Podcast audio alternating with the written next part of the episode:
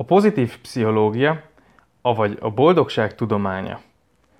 Ki ne akarna boldog lenni? Mondhatjuk, hogy a boldogság mindannyiunk alapvető és legfontosabb célja, hiszen minden, amit az életben teszünk, az végtére is a boldogságunk irányába hivatott mutatni. Ez pedig már a pozitív pszichológia témaköre is. Ha életcélokról beszélünk, akkor bizonyára igen fontos pénzügyi vonatkozása is van a dolognak. Hiszen a pénz a teljes életünket átszövi, és csak ha tudjuk, hogy mitől leszünk boldogok, akkor dönthetjük el, hogy jó dolgokra költjük el a pénzünket.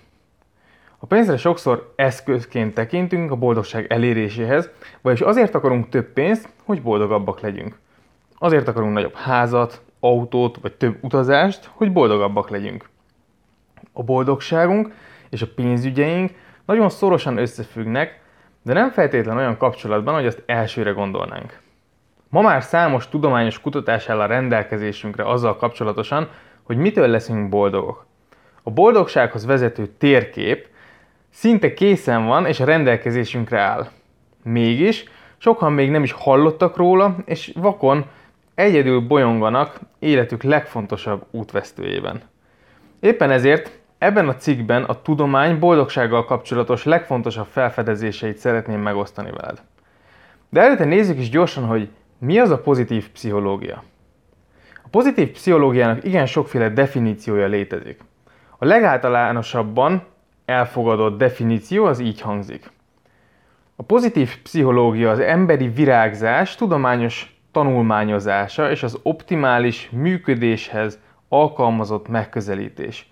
Úgy is meghatározták, mint az olyan erősségek és erények vizsgálatát, amelyek lehetővé teszik az egyének, közösségek és szervezetek fejlődését. Ha ezt a rövid leírást egy kicsit tovább szeretnénk árnyalni, akkor azt is mondhatnánk, hogy a pozitív pszichológia tudományos megközelítés az emberi gondolatok, érzések és viselkedések tanulmányozására. A pszichológiának az az ága, ami a gyengeség helyett az erősségekre összpontosít. A rossz javítása helyett a még jobb életre. Vagyis nem a beteg vagy átlag alatti embereket akarja felhúzni a normális szintre, hanem az átlagos embereket átlag feletti szintre. Remélem, hogy ez számodra is izgalmasan hangzik. Röviden összefoglalva, a pozitív pszichológia a következő területekre fókuszál. Pozitív élmények, mint a boldogság, az öröm, az inspiráció és a szeretet. A pozitív állapotok és vonások, mint a hála, a rugalmasság és az együttérzés. És a pozitív intézmények, tehát pozitív elmek, elvek alkalmazása cégekben és társaságokon belül. Bár filozófusok, motivációs trénerek, kócsok már régóta foglalkoznak a teljesítmény növelésének kérdésével, és számos technikát tanítottak eddig is, ezek alig ha voltak tudományosan igazoltak. Az erről szóló vlog videómban bemutatom a 7 leggyakrabban használt motivációs ilyen self-help tippet, amelyek úgy tűnik, hogy általánosságban nem is annyira jó tanácsok. Ezt a YouTube csatornámon vagy a blogomon tudod elérni. A tudomány nem régóta foglalkozik ugyanis mélyebben a boldogság és a sikeresség témakörével, de ez idő alatt is óriási felfedezéseket tettünk. A pozitív pszichológia egy viszonylag új terület. A tudomány segítségével számos csodálatos dolgot értünk már el. A tudomány segített megérteni a világ működését, segített, hogy megismerjük az univerzumot, és olyan helyekre juttatott el bennünket, amiről korábban álmodni sem mertünk volna. Mégis a tudomány és a pszichológia eszköztárát csak nem olyan régen kezdték el felhasználni arra, hogy az életünk legfontosabb kérdését kezdjék mélyrehatóan vizsgálni, hogy mitől leszünk boldogok. A pszichológia a 2000-es évek előtt főként azt vizsgálta, hogy mi okozza az egyes mentális rendellenességeket, a depressziót, a szorongást. Óriási hangsúlyt kaptak a mentális betegségek, az abnormális jelenségek, a trauma, a szenvedés és a fájdalom, és viszonylag kevés figyelmet fordítottak a boldogságra, a jóllétre, a kivételességre, az erősségekre és a fejlődésre. Ezzel a hagyományjal szakított azonban Martin Seligman, akit 1998-ban választottak meg az Amerikai Pszichológiai Társaság, vagy az American Psychological Association elnökének. Seligman korábban már sikeresen ért el áttörést. Felfedezte ugyanis a tanult tehetetlenség fogalmát, amely mentális gátat jelent az élethelyzetünk megváltoztatásában. 2000-ben pedig Seligman és Csíkszentmihalyi Mihály, a flow elmélet atya, közösen adták ki a pozitív pszichológia irányzatának alapkövét jelentő tanulmányukat. Seligman az APA elnökeként kérte a pszichológusokat, hogy helyezzenek nagyobb fókuszt a kivételes teljesítmény, a pozitív dolgok vizsgálatára. 2000 óta Seligman hívására több ezer kutató válaszolt világszerte. Azóta több tízezer tanulmány jelent meg a pozitív életet meghatározó tényezőkről. Ezen tanulmányok felfedezései széles körű tudományos alapot teremtettek a pozitív elvek alkalmazására a coaching, a tanítás, a kapcsolatok és a menedzsment területén is. De mivel más ez, mint a gondolkodj pozitívan és a boldogság bevonzása gyakran hangoztatott elméletek? Motivációs trénerek, kócsok már évtizedek óta bíztatnak a pozitív gondolkodásra, a célok kitűzésére. Szeretik azt mondani az ügyfeleiknek, hogy hidd el, és működni fog. Számos ehhez kapcsolódó feladatot adnak, listákat íratnak, mantrákat mondatnak, önmegerősítésre bíztatnak.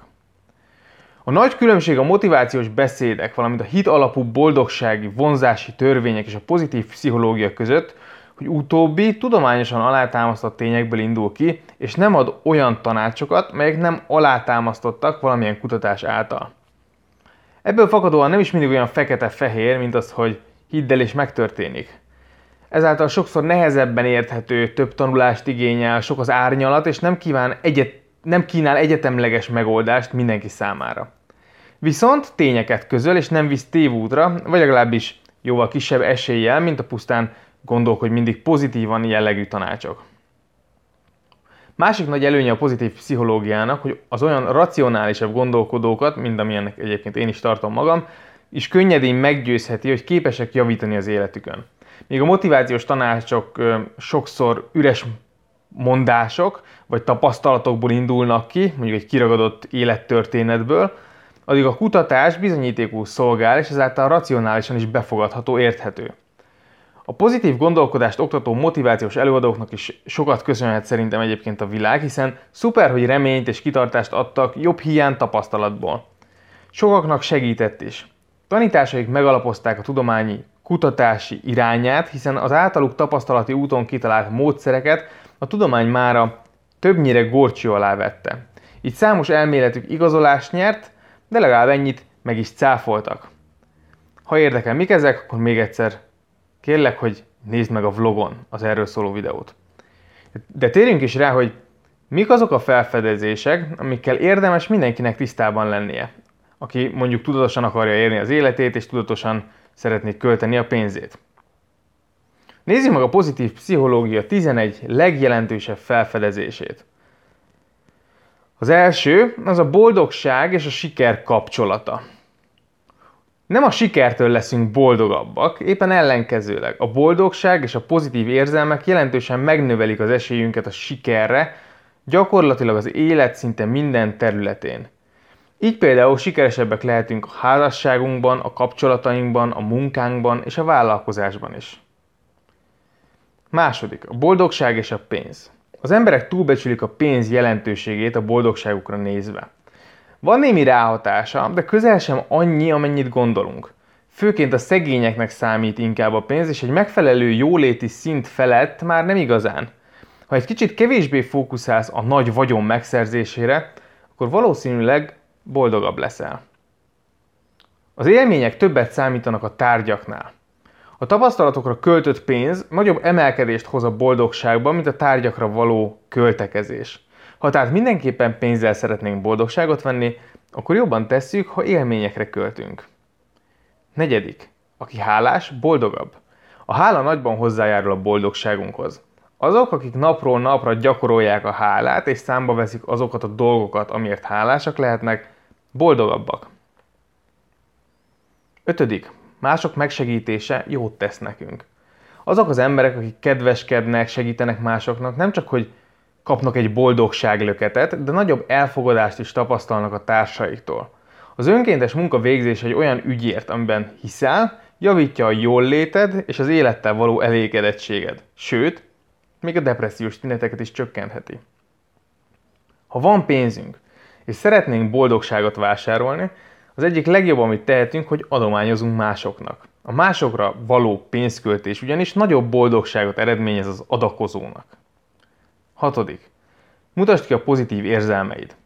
Az oxitocin nagyobb bizalmat, empátiát, együttérzést vált ki az emberekből, vagyis az ölelések és a pozitív érzelmek különböző fizikális megnyilvánulásai javítják a jókedvet. Mind a tied, mind a másik félét. Azok, akik pozitív gondolatok hatására mosolyognak, jelentősen és azonnal képesek javítani a hangulatokat. Egyszerűen megfogalmazva, egy egyszerű módja annak, hogy javuljon a hangulatod a jelenben, hogy emlékezz egy kellemes emlékre, és mosolyogj. Hetedik, a boldogság ragadós. Azoknak, akiknek boldogabb barátaik, ismerőseik vannak, a jövőben nagyobb valószínűséggel lesznek boldogabbak. Szintén igaz ez a munkahelyen. Egy boldog főnök nagyban hozzájárul ahhoz, hogy az alkalmazottak is boldogabbak legyenek.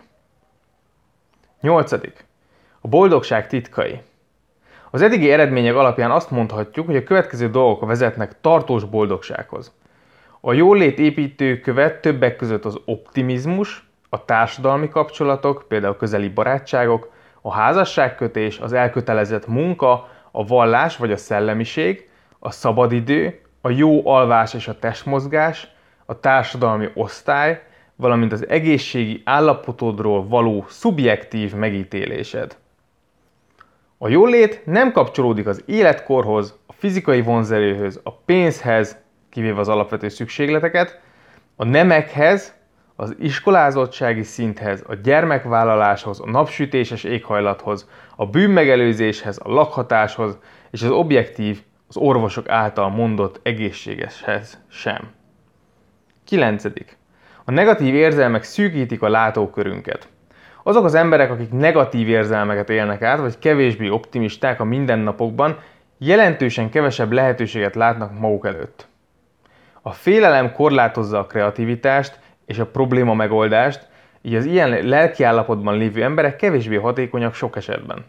Ezzel ellentétben a pozitív érzelmek, például élvezet, boldogság, öröm, érdeklődés, várakozás szélesítik a tudatosságunkat, és új, változatos és feltáró gondolatokat és cselekvéseket ösztönöznek. Idővel pedig ez a kibővített viselkedési repertoár új készségeket és erőforrásokat épít ki. Tizedik. Boldogság a munkahelyen. Egy 2015-ös tanulmány szerint a boldog alkalmazottak 20%-kal produktívabbak, mint a boldogtalan alkalmazottak. Amikor az értékesítőkről van szó, a boldogságnak még nagyobb hatása van, a jókedv 37%-kal növelte az eladásokat. De az előnyök itt még nem érnek véget. A boldog alkalmazottak a részvényekre is jó hatással vannak. A Forbes szerint a Fortune, a Fortune 100 legjobb munkáltatói közé tartozó vállalatainak részvényárai 1998 és 2005 között több mint kétszer olyan gyorsan növekedtek, 14%-kal, mint a listán nem szereplő vállalatoké, 6%-kal. Számos kutatás megerősíti, hogy a boldogabb alkalmazottak kreatívabbak, hatékonyabbak, kevesebbet hiányoznak a munkából, elkötelezettebbek és lojálisabbak. A kicsi, egyszerű cselekvések nagy hatással lehetnek a boldogságunkra, ami azt jelenti, hogy nem kell sok egyébként ahhoz, hogy a munkahelyedet boldogabbá és pozitívabbá tedd. 11. Jó hír. A boldogság tanulható. Mindez persze remek hír lenne mindazoknak, akik alapvetően is pozitív beállítottságúak. Azonban a boldogsági szintünk nagyban függ a genetikánktól is. Mindenkinek van egy alapbeállítása, ami körül ingadozik a boldogsága. Nyersz a lottón, akkor pár hétig nagyon boldog vagy, majd szépen visszaállsz az eredeti pontra. De ezt az alapbeállítást van módunk felfele tornászni, és ezzel megnövelhetjük a boldogságunkat, és vele együtt az esélyünket a sikerre. Ez azonban folyamatos erőfeszítésekre van szükségünk. Adjunk hálát minden nap, segítsünk másoknak, és keresünk olyan tevékenységeket, amelyeket szívesen végzünk. Ha érdekelnek még további kutatások, akkor olvasd el a könyvem, melyben számos értékes tanulmányt találsz a témában. De a pozitív pszichológia nem varázsszer. Mindig legyél óvatos, amikor az életedről szóló nagy tanácsot kapsz. Lehet, hogy az esetek 99%-ában igaz az adott tanács, de nálad más a helyzet. Saját magadat és a saját életedet csak te ismered igazán. Te tudhatod a legjobban, hogy mi számodra a jó. Egy fontos tanulság a kutatásokból, hogy nem szabad erőltetni másokra és magunkra a boldogságot. Ha olyas valakire akarunk gondolkodj pozitívan dolgokat erőltetni, aki alapvetően nem optimista, az akár több kárt is csinálhat, mint hasznot. Az irreális optimizmus is hátrányos lehet, ahogy az erős pessimizmus is. Viszont ettől függetlenül fontos, hogy nyitott legyél. Tanulni és olvasni ilyen kutatásokról szerintem rendkívül hasznos és szemfenyító tud lenni. De nem vagyunk ugyanolyanok, ezért nincsenek egyetemlegesen jó megoldások mindenkire nézve. A pozitív pszichológia tehát tudományos módon alátámasztott, de nem egy varázsige. A legtöbb általa feltárt, módsz, feltárt módszer és tény nem változtatja meg egyik napról a másikra az életedet. Éppen ellenkezőleg. A pozitív pszichológia által javasolt változ, változtatások rendkívül sok időbe telnek, hiszen a személyiségünk és a szokásaink megváltoztatásával járnak. Tehát fontos, hogy türelmes legyél magaddal. A pozitív pszichológia egyik legnagyobb kritikája éppen a boldogság minden áron való elérésével kapcsolatos. Azok az emberek, akik a boldogságot mint egy célt kergetik, úgy érzik, kevesebb szabad idejük van. Márpedig ez az érzés igen idegörlő. A kevesebb szabadidő azt is jelenti, hogy kevesebb időt fordítunk olyan dolgokra, mint az edzés, a más embereknek való segítés, önkénteskedés, amelyek bizonyítottan hozzájárulnának a boldogságunkhoz. Helyette tárgyak megvásárlásával próbáljuk visszaszerezni az időnket, és a költésben keresünk boldogságot. De ez alig bizonyul hatékony megoldásnak hosszú távon. Amit a megállapítások is sugalnak az az, hogy szó szerint időpocsékolás a boldogságot egyfajta jövőbeni célként kezelni, amit reméljük egy nap elérhetünk. Szakértők azt javasolják, hogy ahelyett, hogy a boldogságot a jövőben keresed, fókuszálj a jelenre, és tanuld meg élvezni és értékelni azt, amit van. Hogyan kapcsolódik össze a boldogság és a pénzügyi szabadság? Amikor a pénzügyi céljaidról, vagy a pénzről, mint célról beszélsz, sose feledd el, hogy a legfőbb célod a boldogság. Ezt a boldogságot pedig alig, hanem nem a következő kacat fogja elhozni a számodra. Ami igazán boldogát tesz bennünket, azok a kapcsolataink és az élet, élettel való alapvető elégedettségünk. Egyfajta belső harmónia. Ezek sokkal inkább időigényes dolgok, sem mint pénzzel megvehetők. Hiába keresel tehát sok pénzt, ha nincs időd az élményekre, nincs időd a kapcsolataidra, vagy saját magadra.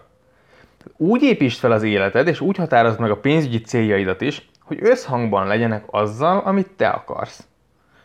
Segíts másoknak a munkádban, tanulj és fejlődj, hogy többet kereshess egységnyi idő alatt, és végezz olyan tevékenységeket, amelyek számodra értelmesek, amik számodra valami többje, többet jelentenek, nagyobb, magastosabb céllal bírnak, mint pusztán maga a munka.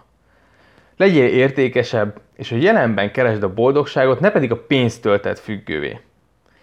Ha képes vagy boldog lenni sok pénz elköltése nélkül, akkor sokkal gyorsabban tudsz vagyont építeni, és kevesebb pénz is elég a teljes pénzügyi szabadság eléréséhez. A pénzügyi szabadság nem a sok pénz költését jelenti, hanem azt a szabadságot, hogy nem kell a pénz miatt aggódnod, és a teljes idődben olyan tevékenységeket végezhetsz, amelyek boldogsággal töltenek el. Köszönöm, hogy meghallgattál, remélem, hogy sokat tanultál ebből a cikkből, további szép napot! Szia!